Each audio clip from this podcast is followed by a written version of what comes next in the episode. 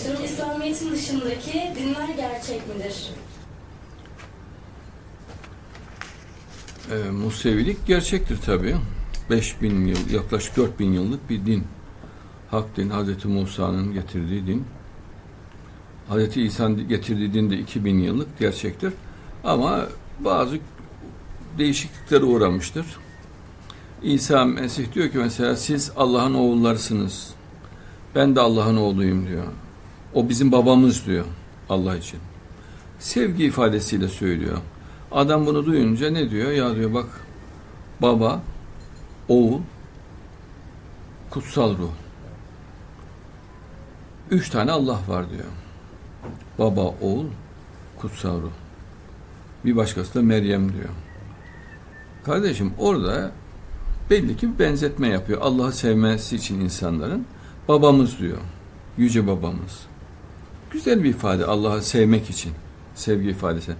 O gerçek organik baba anlamında demiyor Allah. Yani e, İsa Mesih. E, Tevrat'ta geçiyor bu. Var. Yani babanız diyor Allah. Baba diye geçiyor Allah. Sevgi ifadesi. Kolay Allah'ı sevsinler, anlasınlar diye. Mesela Musevilere de siz Allah'ın oğullarısınız diyor. Sevgi ifadesiyle bu. Söylenmiş sözler. Gerçek oğul anlamında değil.